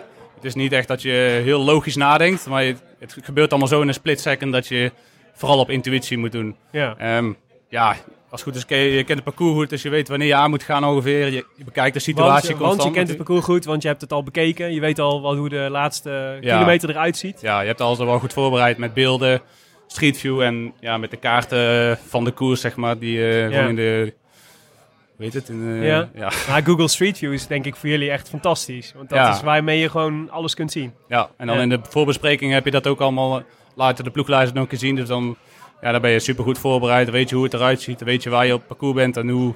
Maar dan zit jij echt met, eh met eh Groenewegen en, eh en Gundal Jansen. Zitten jullie met z'n drieën op het hotelbed Google Street View te kijken. En te, gewoon aan te geven, dit is een linkpunt. Of hier moeten we, hier moeten we daar zitten. Of, eh, Ja, dan zit je echt zo? Ja, je zit er wel eens te bespreken van eh, hoe de finale eruit gaat zien. En eh dankjewel. Komt iemand even in de jus van Timo. Ja. Dat, is ook, go- dat is ook belangrijk. Ja, dat is heel belangrijk. Ehm, eh, ja, dus dan bekijk je het parcours al in het boek en Ja. in het rondeboek. En dan eh, bereid je natuurlijk al voor met, eh met z'n allen. Alleen echt in de bespreking ga je echt bespreken hoe je het dan eh, uiteindelijk echt gaat doen. Ja. En dan krijg je nog wat beelden van, eh van Street View erbij, van de ploegleiders. En dan eh, maak je een plan. Doet de wegcaptain dat? Is dat eh, eigenlijk, eh, zeg maar, moet er iemand daar voor, voor gaan? Ik dacht altijd dat dat de rol was van de wegcaptain. Om dan even de strategie te bespreken. Ehm, nou ja, het is vaak eh bespreek het samen wel. Het is wel ploegleiders eh, die doen de bespreking, maar uiteindelijk eh, ga je met renners ook natuurlijk gewoon een plan maken. En ook eh Dylan zelf, eh, hoe hij het wil. Als je het niet eens bent eh, met elkaar, dan kom je eruit hoe wat, wat uiteindelijk het echte plan gaat zijn. Ja. Maar Groenewegen is natuurlijk eh, in, de, in, de, in twee jaar tijd eigenlijk toegegroeid naar... is nu eigenlijk... eh, De beste ter wereld. Ja, laat ik zeggen, niet de keizer van de sprint, maar wel de koning eigenlijk, Ja. toch? Zo Ja. gewoon de beste, eh, op, gewoon intrinsiek op snelheid en op... hij wint gewoon, ja. denk ik, in de meeste gevallen een, de sprint. Ja, ja. Dat doet natuurlijk wat met zijn status, denk ik, als sprinter. Mhm. Doet dat dan ook wat met jou als, als lead-out? Gaan ze, gaan ze, hebben ze meer respect voor jullie trein of jullie, eh, voor wat jullie komen doen daar? Want ik kan me voorstellen dat dat eerst namelijk niet zo was. Mhm. De Groenewegen, Broekie, weet je wel. En dan tussen die grote mannen als Kittel en Cavendish en zo. Ja, eh, ga maar even opzij, eh, Ja. jongens. Gaan ze nu allemaal in jouw wiel hangen? Eh, ja, het is wel, je krijgt wel, merkt wel dat er iets meer respect is dan hoor. Het is in zo'n massasprint nog steeds één grote chaos en eh, heel weinig respect natuurlijk. Maar je merkt wel dat, eh, dat iedereen toch je, ja, je probeert bij elkaar te blijven als ploeg. En dat ze toch, eh, toch niet proberen die trein te verbreken zeg maar, om er tussenin te gaan zitten. Dat ze weten van, ja, als ik hier in het wiel ga zitten bij deze trein, dan komt het ook goed. op die manier meer. Is het, eh, is het heel erg veranderd ten opzichte van... want wij spraken laatst met Roy Curvers. En die vertelde eigenlijk een beetje over het ontstaan van sprinttreinen in het peloton. Dat hij vertelde van ja, dat is eigenlijk nog niet zo heel lang geleden. Zeg maar tien jaar geleden dat mensen met sprinttreinen begonnen. Ja, Cipollini toch? Cipollini, ja, Ja. precies. Ja, we, kijken nu, we kijken nu naar een eh, etappe in de Giro. En je ziet gewoon vijf sprinttreinen naast elkaar rijden. Ja. Is, dat, eh, is dat al veranderd sinds jij koerst? Ehm, ja, sinds die tijd is het geen idee eigenlijk. Ik denk dat het wel een beetje hetzelfde is wel. Het is nog steeds, eh, in het begin was het één grote chaos en nu nog steeds, ja, het zijn zoveel sprinttreinen dat er eigenlijk vaak lastig een sprinttrein echt te behouden is. Vooral in de Tour dan. Ja. Het is gewoon heel lastig om samen te blijven. Dat is eigenlijk de grootste opgave om eh, gewoon kalm te blijven en eh, bij je ploeggenoten te zitten. Kijk je ook wel eens af van de andere teams hoe zij de sprinttreinen organiseren? Ja, natuurlijk. Als je de beelden ziet eh, van Quickstep bijvoorbeeld, hoe zij het altijd hebben aangepakt. En ja, bijvoorbeeld in de koers waar het eh, bij ons minder ging, dan kijken bij wie ging het wel goed en wat ging er bij ons mis. Ah, ja. Wat, zou, wat hadden wij beter kunnen doen? En zo probeer je natuurlijk veel te leren van wat je... Is Quickstep de, met Viviani en eh Morkov? eh, Sabatini en Murkov de beste sprinttrein, volgens jou of niet? Ehm, ja, ik denk dat Quickstep vaak wel de beste sprinttrein heeft. Ja, Ja. ja. Gewoon ook heel veel hardrijders hebben ze natuurlijk ook. Zo. Ja, als je ook ziet hoe ver sommige renners komen die op kop rijden, dat ze gewoon zulke lange beurten doen, er zit zoveel snelheid in. Ja, Het is wel vaak, eh vaak supergoed wat ze doen. Ja. ja. Ik vind wel dat we even door het stof moeten eigenlijk, Willem. Want wij hebben wel vaak grapjes gemaakt over de sprints die bij jullie net niet goed gingen. Want het was ook echt zo dat in 2017 heel vaak ne- dingen net niet goed gingen Ja. in, de, in de Tour. En toen ineens in 2018 ging ineens alles goed bij jullie. Ja. En werden jullie zo goed in die sprinttrein. En Dylan Groenewegen werd ook zo goed. We, hebben, we hebben toch wel een heel seizoen grapjes gemaakt over dat het steeds net niet lukte. Ja, Hoe, hoe kwam dat? Wat hebben jullie tussen 2017 en 2018 gedaan, waardoor het ineens allemaal wel goed ging? Nou ja, je je leert natuurlijk van alle fouten die je gemaakt hebt ook. Dus met ja, ervaring is ook heel belangrijk. Ik denk dat dat eh, vooral een verschil is. En iedereen, we hadden best wel een jonge sprinttrein ook, dus iedereen wordt weer iets sterker. En ja, alles bij elkaar word je gewoon eh, weer wat beter. Al die dingen bij elkaar word je misschien wel best wel veel beter ook. Werd jou, werden jullie ook, hebben jullie ook veel getraind die winter samen? Eh, ja, natuurlijk, je traint hartstikke veel samen. Maar een echte sprinttrein kun je niet zo makkelijk trainen. Nee. Dus gewoon in training eh, ja, kun je wel een sprinttrein maken, maar dan heb je helemaal geen last van andere mensen om je heen die... eh, Nee, nee wat juist precies. de moeilijkste factor is. Dat, dat dringen kan je niet oefenen. Nee, dus dat moet je in de koers doen. En ja, daardoor in, als, ja, we hebben veel koersen samen gereden, dus uiteindelijk worden we beter en beter in, denk ik. Ik denk En dat dat zo'n eh, eh, zo'n ervaring is. zo'n Canada, eh, hè, zo'n ervaring, weet je wel, dat je dan zelf vierde en vijfde wordt. Denk je dan ook, zou ik niet, eh, ik kan eigenlijk wel vaker de laatste man zijn in plaats van de ene laatste man in de sprinttrein? Oh nee, ja, dit soort, eh, gewoon een vlakke sprint eh, met een, met een gewoon niet te lastige koers is voor mij niet die Dan echte het, snelheid. dan leg je het gewoon af tegen Ja. de echt snelle mannen. Ja, die echte sprinters die hebben gewoon meer snelheid in de benen Ja. en ook meer power. Dus ik denk dat dat, ja, Ja. dat, dat niet... Dat is wel, denk ik wel interessant als je renner zoals zeg maar op jouw leeftijd bent, dat je dan kristalliseert het zich een beetje uit, hè, wat je goed kunt en wat je, en wat je niet goed kunt, en waar, je, waar het potentie ligt en waar niet, weet je, waar je op kunt focussen. En eh, je zei net al van, ik had een lijstje doelen met inderdaad voorjaarsklassiekers en, in- en in de sprinttrein. Als je nou eh, vooruit kijkt, ik neem aan bij eh, Jumbo-Visma is wel zo'n ploeg die ook een soort van lange termijn ontwikkelplan hebben. Ja. Wat staat er op jouw lange termijn ontwikkelplan? Wat, is, welke, wat voor renner is Timo Roos over een paar jaar? De Kassai klassiekers hoop ik, hoop ik bij de beste te horen dan. Dat, is eigenlijk, eh, dat zou super mooi zijn. En dat vooral de Kassai klassiekers en, en de lead-out. Ja. Dat zijn gewoon twee doelen die, die ik ja, al een paar jaar heb natuurlijk. Maar waar ik gewoon, daar wil ik gewoon verder in ontwikkelen ook. Ja, Wat is je lievelingskoers eigenlijk? Als je mag kiezen om er ooit één te winnen. ja Roubaix. Ja? Ja, Ja? wel. In het begin vond ik Vlaanderen misschien mooier, maar als ik nu... Ja, Roubaix is toch wel iets mythischer en gewoon de hele geschiedenis en Ja. gewoon echt een epische koers eigenlijk. Dus dat, Ik, ik volg jou een tijdje op Instagram, maar je bent ook wel echt een voor, je hebt ook wel een grote voorliefde voor kasseien en Ja. gravelpaadjes en zo, toch? ja, ik vind het wel leuk om een beetje uitdaging in de training ook te doen. Ja. En de kassei, eh, kassei is er ook in de buurt allemaal een beetje eh, te verkennen en eh, wat vaker te rijden. Ik vind gewoon, ja, Ja. het heeft wel iets, vind ik. Als je nu een renner, een renner zeg maar, die nu een paar jaar ouder is dan jij zou moeten noemen, die zeg maar, is wat jij zou kunnen worden, wie zou je dan, eh, wie zou je dan wat, wat is dan een beetje het voorbeeld? Goh. Ja, ik geen idee. Terpstra? Ja, maar dan, ja, de sprintrein is het toch heel anders, ja. Ja. Ik wil wel de- ook de sprint eh, erbij, erbij hebben, zeg maar. Dus Ah ja. geen idee, ja. Het is eigenlijk ook een soort nieuw soort renner, hè? Dus de, en de, voorjaar, de klassieker specialist, die ook in de sprinttrein zit. ja. Dat is een soort type renner, wat nu, waar er nu wel meerdere van zijn. Mhm. Maar Ja. wat misschien ook een nieuw soort renner is. Ja, ik weet niet. Ja, het, het is natuurlijk wel redelijk goed te combineren als je gewoon best wel snelle benen hebt. En in het voorjaar moet je ook veel wringen. Dus dat, eh, dat kun je dan in die sprinttrein ook eh, goed combineren. Ik denk dat het, eh, het is goed te combineren. Dus wat dat betreft is het niet heel gek. Alleen, ja, misschien is het wel iets wat nu eh, vaker voorkomt. Dat iedereen beseft van, ik hoef niet alleen op die klassiekers te richten. Maar ik kan ook nog de rest van het jaar ook eh, andere nuttige taken doen. Heb je, een Para- heb je Parijs-Roubaix... Je hebt hem al gereden, toch? Ja, twee keer, drie keer.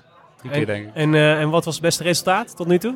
Ehm oh, iets, in, iets in de 40ste of zo.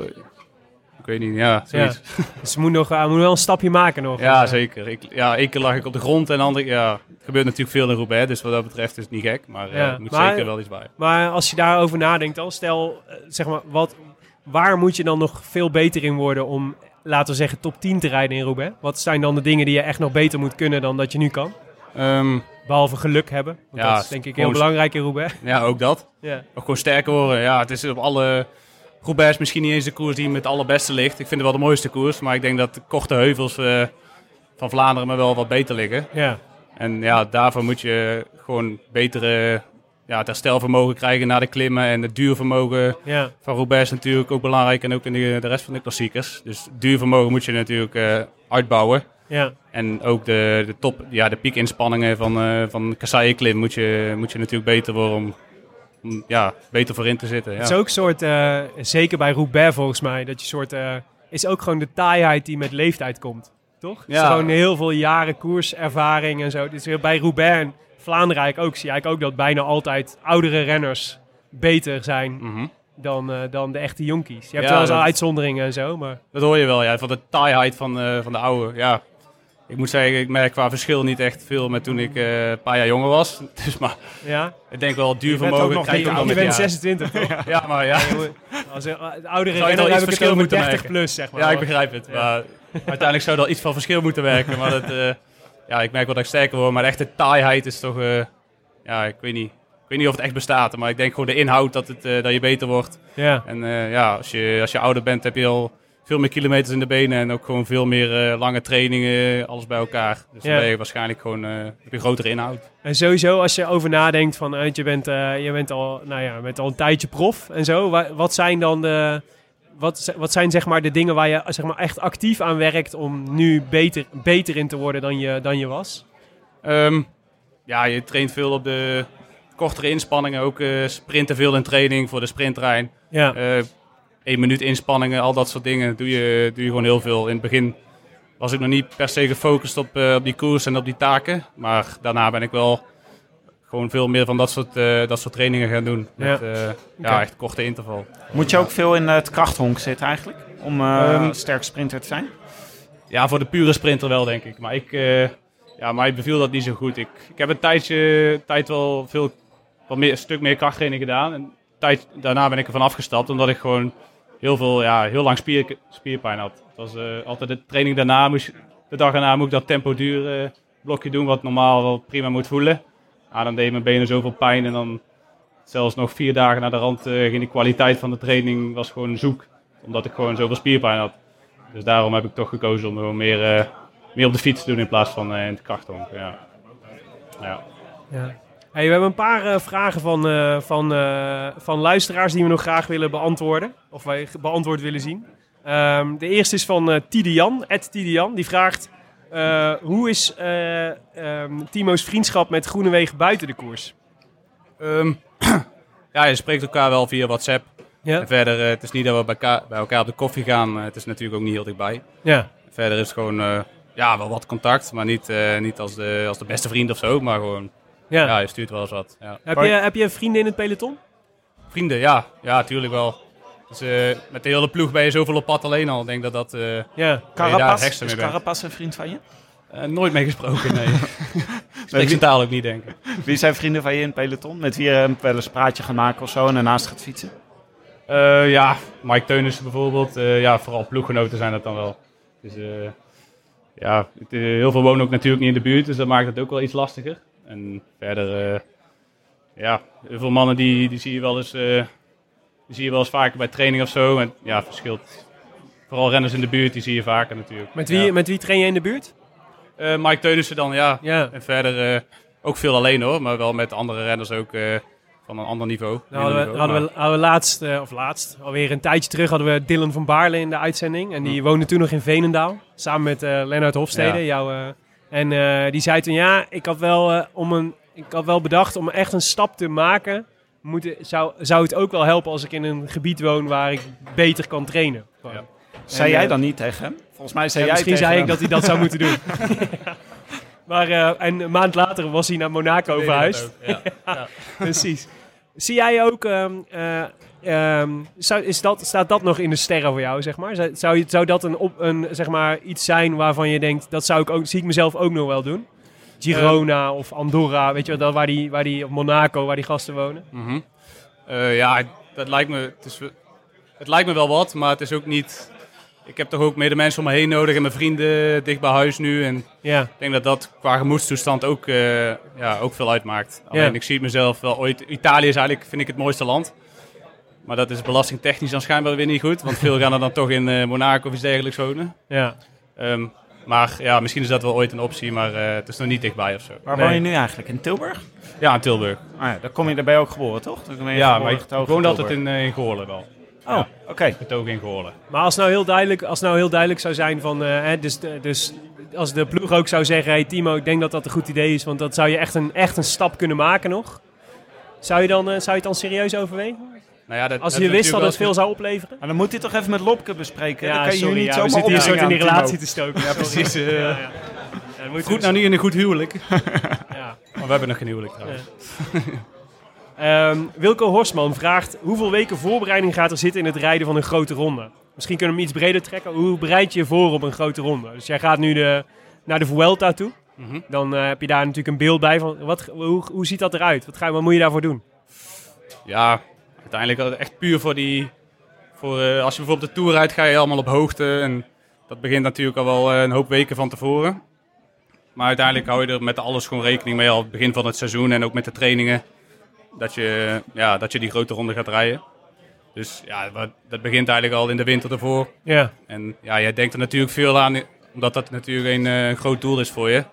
En ja, daarna ga je paar weken van tevoren rijden voorbereidingskoers. En ja, hoogtestage? voor de Vuelta, ja, ik ben vorig jaar voor de Tour eh, op hoogste stage geweest, maar toen, dat beviel mij niet super. Nee? Ik had heel veel last van mijn longen en ik, ik was niet Ja, dat vooruit te grappig, hè? branden. Niet, niet elke renner reageert daar goed op. Nee, nee. Ja, Ja, toen hebben we dat geprobeerd en eh, goh, in de training ging ik zo stuk. Met, eh, ja, met, al met 300 watt rijden, hijgde ik, zat ik te hijgen alsof ik eh 600 watt reed, zeg maar. Ja, Het was gewoon ja, iets in mij dat, eh, dat er niet heel goed op reageerde. ja. Oh ja. Dus dit jaar hadden we al besloten om dat nu niet te doen. Ehm, ja, voor de Tour gaan ze wel op hoogte, dus dat begint natuurlijk al weken van tevoren. Dan, Ja, ja. En voor de Vuelta zou je dat dus ook niet, dat is ook niet per se nodig. Gewoon goede koersen rijden van tevoren en de hardheid opdoen. Ja, ja, veel koersen rijden. Ja, Oké, trainingskampen natuurlijk. Oké. Hey, ehm, we hadden een vraag van Rob Viveen. Die eh, vraagt, wat wordt je doel eh, voor deze zomer en dit najaar? Nou ja, de Vuelta dus sowieso. Ja, En ja. Zwitserland zit daarvoor. Ja, ja, niet per se een doel. Ik wil wel goed zijn natuurlijk, maar dat is al zo dichtbij dat het, eh, Ja, dat het eh, vooral is om sterker te worden en gewoon mijn taak te doen. Ja. ja. En daarna is de Vuelta wel het grootste doel, denk ik. En het NK, Ja, dachten wij nog. ja, ja. Ik, ja, dat is ook al wel vrij dichtbij. Ja, Deze voorbereiding is natuurlijk niet echt ideaal, maar het NK is wel altijd iets waar, je, waar ik heel veel zin in heb en waar ik ook, eh, ja, wat toch nou ja en, is. en eh, volgens mij dit jaar niet kansloos bent, toch? Met eh, en het parcours en de hoeveelheid afzeggingen die, er, die, die ook Ja, best belangrijk Nou, zijn. dat is echt lullig om te zeggen. Ja. Van der Poel doet niet mee en, eh en eh, Groenewegen doet niet mee. Nou, dan heb je de twee beste sprinters van Nederland heb je gehad. Wie heb je dan nog? Sinkeldam? Nou, die moet je kunnen hebben, toch? Weet ik niet hoor. Nee? Kees Jacobsen, eh, Kees Bol, ja, Kees Jacobsen Bol, ja. is wel de favoriet misschien. Danny van Poppel. Mike Teuns kun je wel hebben, toch? In de op één sprint. Ehm, in training in de winter meestal wel. Ja. Als het een beetje omhoog liep, in ieder geval wel. Ja, verder weet ik het niet. Maar eh, misschien En- is nu, eh, was ik toen al te vroeg in vorm qua sprint. ja. Maar ga je het wel rijden, de NK? Als je het... eh, als je... Ja, ja, Ja. heel graag. Ja. En de Canadese klassiekers? dit, dit jaar? Ja, dat- Heb je ze ook weer met een roze pennetje omcirkeld in je agenda? Ja, met de Vuelta gaat dat niet lukken. Dus dan, eh, ja. Sle- Slechte Ah. combi. Dus ja, de combi is wel... eh, Oh, dat is jammer. Jammer, ja. China wel? Ik wel naar China, ja. Het wordt wel, In eh, alle, en trouwens in alle, eh, dus wij, Tim ging, zei net al, we gaan, do- moeten altijd door het stof. Omdat we, wij hebben natuurlijk echt de periode meegemaakt dat eh, jullie ploeg echt, echt niet goed was. Hè? Dat er ook geen, eh, dat, dat is eigenlijk dat we, nou ja, eh, zeg maar het succes nu, dat, dat vinden we heel erg prettig en ook heel mooi. En het is ook echt te gek dat het nu zo goed gaat. Maar een paar jaar geleden zag de wereld natuurlijk voor, eh, voor Lotto Jumbo er heel anders uit. En, ehm, maar wat ik heel fijn vind, en een soort, zeg maar, wat, wat ik heel fijn zou blijven vinden, is dat jullie het Nederlands kampioenschap wel altijd gewoon standaard zelf blijven verpesten voor jezelf.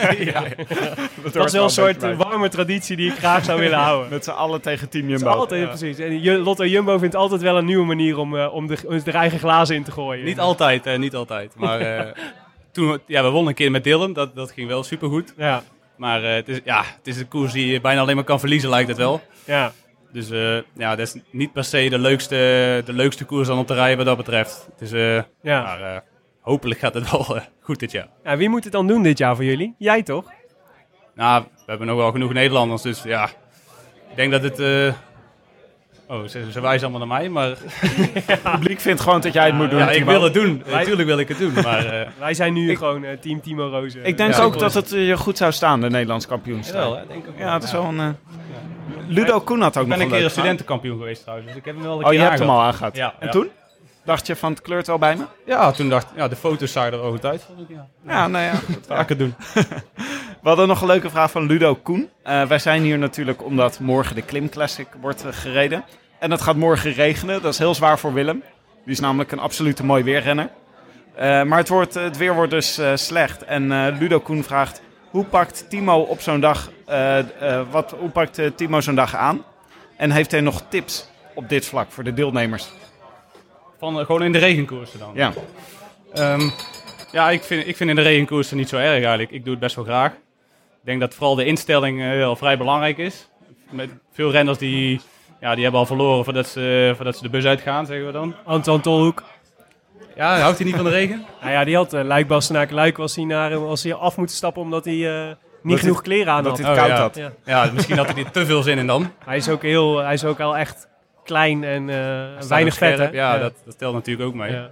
Ja, die- het is wel altijd eh één grote uh, modefestijn binnen van wat doe je aan en eh, Ja. ja, wat wordt het. Maar soms maak je er een fout in natuurlijk. Maar dat is ook heel belangrijk wat je aandoet. En in een koers kun je, kun je ook te warm kleden. Als je een training doet zoals een Klim Classic, ja, training of toertocht, eh ja, dan, dan zou ik toch gewoon liever iets meer aan doen. Ik denk dat dat, eh, dat, dat wel de beste tip, tip is. Dan kun je altijd nog uit doen. En je hebt geen haast, denk ik, eh, morgen. Dus dat, ja, doe er gewoon iets te veel aan. Ja. Ik zou het leuk vinden als jullie samen starten. En misschien kan je een klein stukje Willem eh, gewoon uit het wiel rijden. Hij, gewoon hij mag, even... hij mag nog niet fietsen. Ik kan er niet. Oh, je kan nog niet. Oh, ik zit jammer. nog op de tax, ik kan er niet de weg op. Dus ik win sowieso van Timo Rozenborg. Dus ben jij wel een van de kanshebbers, Willem. ja, ja, zeker. Ik bedoel, alle druk die jij net Timo hebt opgelegd, wil ik graag ook nog even op jou opleggen voor morgen. Ja. Ik denk niet dat er veel concurrenten zijn, Willem. Ik denk het ook niet. Nou, als ik zo eh, om me heen kijk, alles wat hier nog zit, kan ik wel hebben hoor. Oh, goed. Ja, Hey, eh, we hebben nog een beetje administratie en een voorspelbokaal. Eh, wij hadden de voorspelbokaal voor vandaag. Er werd weer massaal aan meegedaan. Eh, we moesten de, de winnaar van de rit van vandaag voorspellen. Eh, Tim, jij had Jon Izagirre. ja die, daar ging het supergoed mee. nowhere to be found, zeg maar, in dit peloton. Eh Jonne had Mikael Nieve. Nou ja, daar geldt eigenlijk hetzelfde voor. Jebbe. En ik had eh, Giulio Ciccone. En ja, dat was natuurlijk een beetje de pech dat hij gisteren al gewonnen had. Oh, je bedoelt, anders had je het wel goed gehad. Anders had hij voor vandaag gegaan natuurlijk. Ja, Zo simpel is het. Zeker, Willem. Ehm, hebben we een winnaar van deze week? Oh, we hebben geen winnaar uitgekozen. Die eh, knippen we er later in. ja, precies. Eh, we hebben wel groetjes van Bas Verhul, de winnaar van afgelopen zondag. Eh, met dank aan Dario Cataldo, waar hij de enige was die dat voorspeld had. Daar gaan we nu even naar luisteren. Goedenavond heren. Bij deze mijn groetjes aan Laurens de Nam. Om hem een hart onder de riem te steken en omdat ik zeker weet dat hij naar deze podcast luistert. Ik vind zijn Live Slow Ride Fast podcast uiteraard, net als die van de Rode Lantaarn, fantastisch om naar te luisteren. Graag kom ik dan ook een keertje bij een van de opnames voor hem koken of barbecuen, aangezien dat mijn passie en werk is. Groet Bas Verhul. Ehm, en we hebben een tussenstand in de Scorito pool. Eh, ja, daar kunnen we even stil, eh, kort bij stilstaan, maar het is super spannend. Nou, ik zie dat virtueel roze weer bovenaan staat. Ja, Chris Kwartel was eh, de winnaar, de, de, de, de topper van de eerste week. Die Dat is in een de derde week weer teruggekomen. Ja. Laten we hopen dat dit voor Roglic ook geldt. Ik vind het wel knap, want ik had afgelopen weekend gekeken naar het team van J. Scholten. En die heeft echt alle, alle mannen die bovenaan het klassement staan in zijn team zitten. Maar die heeft blijkbaar niet de goede kopmannen opgesteld. Nee, gezakt naar de vierde plaats vandaag. Ja. Ja. Nee, dus het is eh, spannend en de verschillen zijn heel klein. Dus het worden nog spannende dagen. Want het goede nieuws is wel dat ik eh, zowel jou als Ties Benoot voorbij ben in de pool, eh, Tim. ja, ik ga slecht. De laatste paar dagen. En Martijn Tusveld, mede geblesseerde van jou, Timo, die staat gewoon op de 73ste plek van de 2300. Ja, Dus je kunt veel over Martijn zeggen, maar verstand van wielrennen hij heeft hij snapt de koers zeker. Hij ja. snapt de koers. Ja. Goed. De volgende voorspelbokaal eh, gaat over de etappe van aankomende zondag. Een individuele tijdrit van 17 kilometer van en naar Verona. Eh, met één heuvel eh, de, in het midden. 4,5 kilometer aan 4,6 procent. En de finish is in het Romeinse Amphitheater in Verona. Een super mooi finish. En daar eindigt de Giro dus ook. Weer een leuke tijdrit zeg. Ze hebben wel echt leuke Ja. tijdritparcours uitgezet. Ja, en, en zoals het er nu voor staat, kan er natuurlijk echt nog van alles gebeuren. Timo, kun je, zou jij het een beetje kunnen verteren, zo'n tijdrit als dit? Hoe hoog is die klim? Eh, o- 227 meter. Mm. 4,5 kilometer op 4%. Ja, 4, 4%. Nou, ja. Kan je die om macht oprijden? Mm, Dat is toch vrij lastig, denk ik wel. Maar Net te lang, denk ik, hè? voor mij, jou. ik heb zo, ben sowieso niet zo'n tijdrijder, maar ik heb liever een proloog van eh 5 kilometer dat ik snel vanaf ben. Dit is, is wel eigenlijk- voor mij te lastig. Ja, Dus voor jou gewoon hoe korter de tijdrit, hoe beter. ja dit is 1 kilometer. maar Die zijn er niet zoveel. Dat zou ook leuk zijn. Timo, als we één eh, naam moeten opschrijven voor jou, voor de voorspelbokaal, voor deze, voor deze, nee, deze slottijdrit, Ja. wie gaat hem winnen? Primos, ja. Nou, dat had ik niet zien aankomen. nee, hadden wij ook niet zien aankomen. Jongen, jongen, jongen, jongen. We hadden het ook nog niet opgeschreven in het document dat je Roglic zou zeggen. ja. Ja, kijk, ja, het staat er echt. Wie Maar zei- met, eh, met, eh, met hoeveel voorsprong wint hij? Oh. Op de tweede of op de klassementsrenners? Ja, nee, dus, kan, denk je, dus even het scenario, denk je dat hij het in de tijdrit nog kan winnen? Hoeveel zou hij op Carapaz kunnen pakken, denk je? Ehm, Op dit stuk? eh, een minuut, denk ik. Gok ik. Ja, dus Ja. dan eh, komt hij nog wel iets tekort. Als dat, eh, Ja, misschien komt hij de komende dagen dichterbij en dan, als hij op een minuut staat, dan eh, kan het nog. dan Ja. kan hij à la Dumoulin in de laatste tijdrit over alles heen gaan. Oh, Dat dat zou leuk zijn. Ja. Eén Ik dag zou in dat de- echt Twee dagen willen. in het roze, de eerste dag en de laatste dag. Ja. dan. ja, top. Tim, wie moeten we voor jou opschrijven? Ja, ik vind het wel moeilijk, want eh, wij zijn natuurlijk altijd een beetje met elkaar aan het concurreren wie het als eerste mag opschrijven. En ik zag dat Kampenaars al vergeven is, want dat de andere tijdritspecialist in de koers. Maar ik dacht, dit is eigenlijk wel een tijdrit voor Young Bubbles. Ja, Ik heb hem al een keer eerder opgeschreven en eh, dat, eh, dat heeft me akelig de kop gekost. Maar ik denk gewoon, hij heeft nog wel wat te bewijzen. Hij kan goed tijdrijden. Hij kan ook wel een beetje bergop als het maar niet al te stijl gaat. En dat, daar past deze heuvel wel bij. Dus ik hoop Young Bubbles. Bingo Bob, zoals jij hem noemde op training. nou, ik vind Young Bubbles vind ik de betere bijnaam. ah. Eh, ik had eh Kampenaerts opgeschreven, maar omdat dat te makkelijk is natuurlijk, om eh, Victor Kampenaerts te noemen. Ja, het is de laatste tijdrit en hij is de enige die zich heeft kunnen sparen. In Nee, je hebt tijd. hem opgeschreven. Daar moet je het bij houden. Nee, maar ik je wil kan zeggen, niet nu nog een andere naam waarom ik niet Roglic noem, is omdat ik denk dat Roglic een goede kans maakt. Maar ik denk, Roglic heeft drie weken lang iedere dag moeten knallen. En Kampenaerts spaart zichzelf al twee weken voor deze tijdrit. Dus die moet dit gewoon, die, dit is denk ik voor hem. Eh, maar omdat het te makkelijk is, zeg ik, Chet Haga wordt tweede. Dat is Ja. een, dubbele, een dubbele voorspelbokaal. En Jonne draait het om. Die zegt Haga wordt eerste. Wat ik sowieso echt... Bijna, ik word er bijna emotioneel van dat hij zoveel vertrouwen uitspreekt in chat. En, Hij heeft eh, wat te compenseren. hij heeft wel te compenseren, absoluut. En eh, die zegt Kampenaerts wordt tweede. Dus die heeft precies de andere, de andere, de andere kant. Nou, prachtig Willem. Nou, dit was het voor vandaag. U luisterde naar De Rode Lantaarn, gepresenteerd door favoriete bankzitters Willem Dudok en mijzelf, Tim de Gier. Vandaag met speciale gast Timo Rozen. Dankjewel, leuk dat je er was. Ja, was leuk. Ja. En dankjewel dat jullie er allemaal waren. Met grote dank aan onze sponsors eh, Scorito en Canyon. Tijdens de hele Giro kan je een gratis bikeguard krijgen en gratis verzendkosten als je een nieuwe fiets of frame koopt met de kortingscode RLT Giro Ja, bij Canyon, hè? bij Canyon. Misschien ook iets voor eh, Anton. Tolhoek. Ja, om had eh, Canyon de te Giro-rit uitgereden op een... En het beviel hem volgens mij prima. Ja, nou ja, misschien eh, als hij dit hoort, eh, misschien wil hij Canyon bestellen met de kortingscode RLT Giro. Misschien kun jij het hem even appen, Timo. Nou, Ja, zou ik eh, doen. De Rode Lantaarn wordt verder mede mogelijk gemaakt door Dag en Nacht Media en Het is Koers.nl, de wielerblog van Nederland en Vlaanderen. Wij danken hen voor de steun op vele fronten en in het bijzonder Maarten Visser, Bastiaan Gaillard, Leon Geuyen en notaris Bas van Eyck. Tevens gediplomeerd brandweerman in Maden. Oh, daar zijn we heel dichtbij. Ik voel me heel veilig hier. Heel dichtbij. We zitten in Maastricht. Nou ja, goed. in de buurt, in de buurt. Het is gewoon het, zeg maar buiten het groene hart. Dat is voor Tim al eh, Maar dichtbij. ik denk dat Bas zou uitdrukken als hier iets in de fik Als- zou ja, vliegen. ja, dat is waar. Is er nog een nieuwtje van hem? Eh, nee, ja, Bas zit nog steeds in Frankrijk. Die is daar lekker aan het fietsen. Maar er, was wel, eh, er is wel iets gebeurd. Zaterdag 25 mei, om kwart over elf, werd het brandweerteam gealarmeerd voor een buitenbrand aan de Hoogrijde in Maden. Daar waren, werden meerdere brandjes ontdekt na een harde knal, mogelijk door illegaal vuurwerk. Maar het vuur was snel onder controle, met dank aan de brandweer in Den Hout.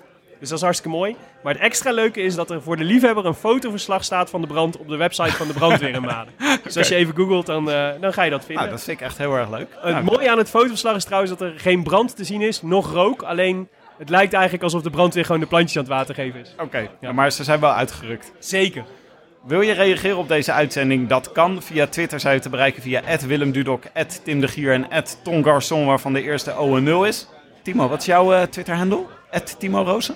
Ik zit er niet zoveel op. Ik denk Timo Rozen, ja. Nee, je zit er inderdaad niet zoveel Nee, op. maar wel op nee. Instagram toch? Ja, Insta Instagram is meer mijn ding. Dat is ja. ook Timo Rozen. Ehm, ja, ja. Zoek maar gewoon Timo Rozen, jongens, dan eh, komen jullie er wel. dat komt goed. Mooie foto's. Heb jij dan een soort fotograaf die je volgt om eh, je te fotograferen onderweg? Allemaal zelf. Allemaal, zelf? hand. Ja, of ja, van de koers is wel van eh Cor Vos of iets anders, ja. Ah ja, Maar Die veel foto's in de vrije tijd, die neem ik gewoon in de training neem ik gewoon zelf natuurlijk. ah, prachtig. Mooi. Eh, je kan ons ook mailen. We hebben een e-mailadres, post.derodelantaarnpodcast.nl. We vinden het heel leuk om mails te krijgen. We proberen ze ook allemaal te beantwoorden. En abonneer je op iTunes of laat een reviewtje achter. Of eh, doe dat in elk geval, want dat is leuk. Want dan kunnen andere luisteraars ons ook vinden.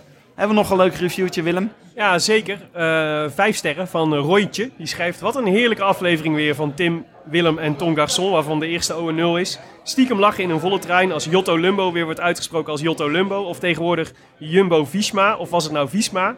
Nee, het is eh Hare Visma. Elke keer weer een klein vreugdesprongetje als er een aflevering in mijn feed staat. Ga zo door jongens. Vijf sterren van deze jongen. Nou, Nou. Roytje. Dankjewel Roytje. Heel leuk voor Roytje.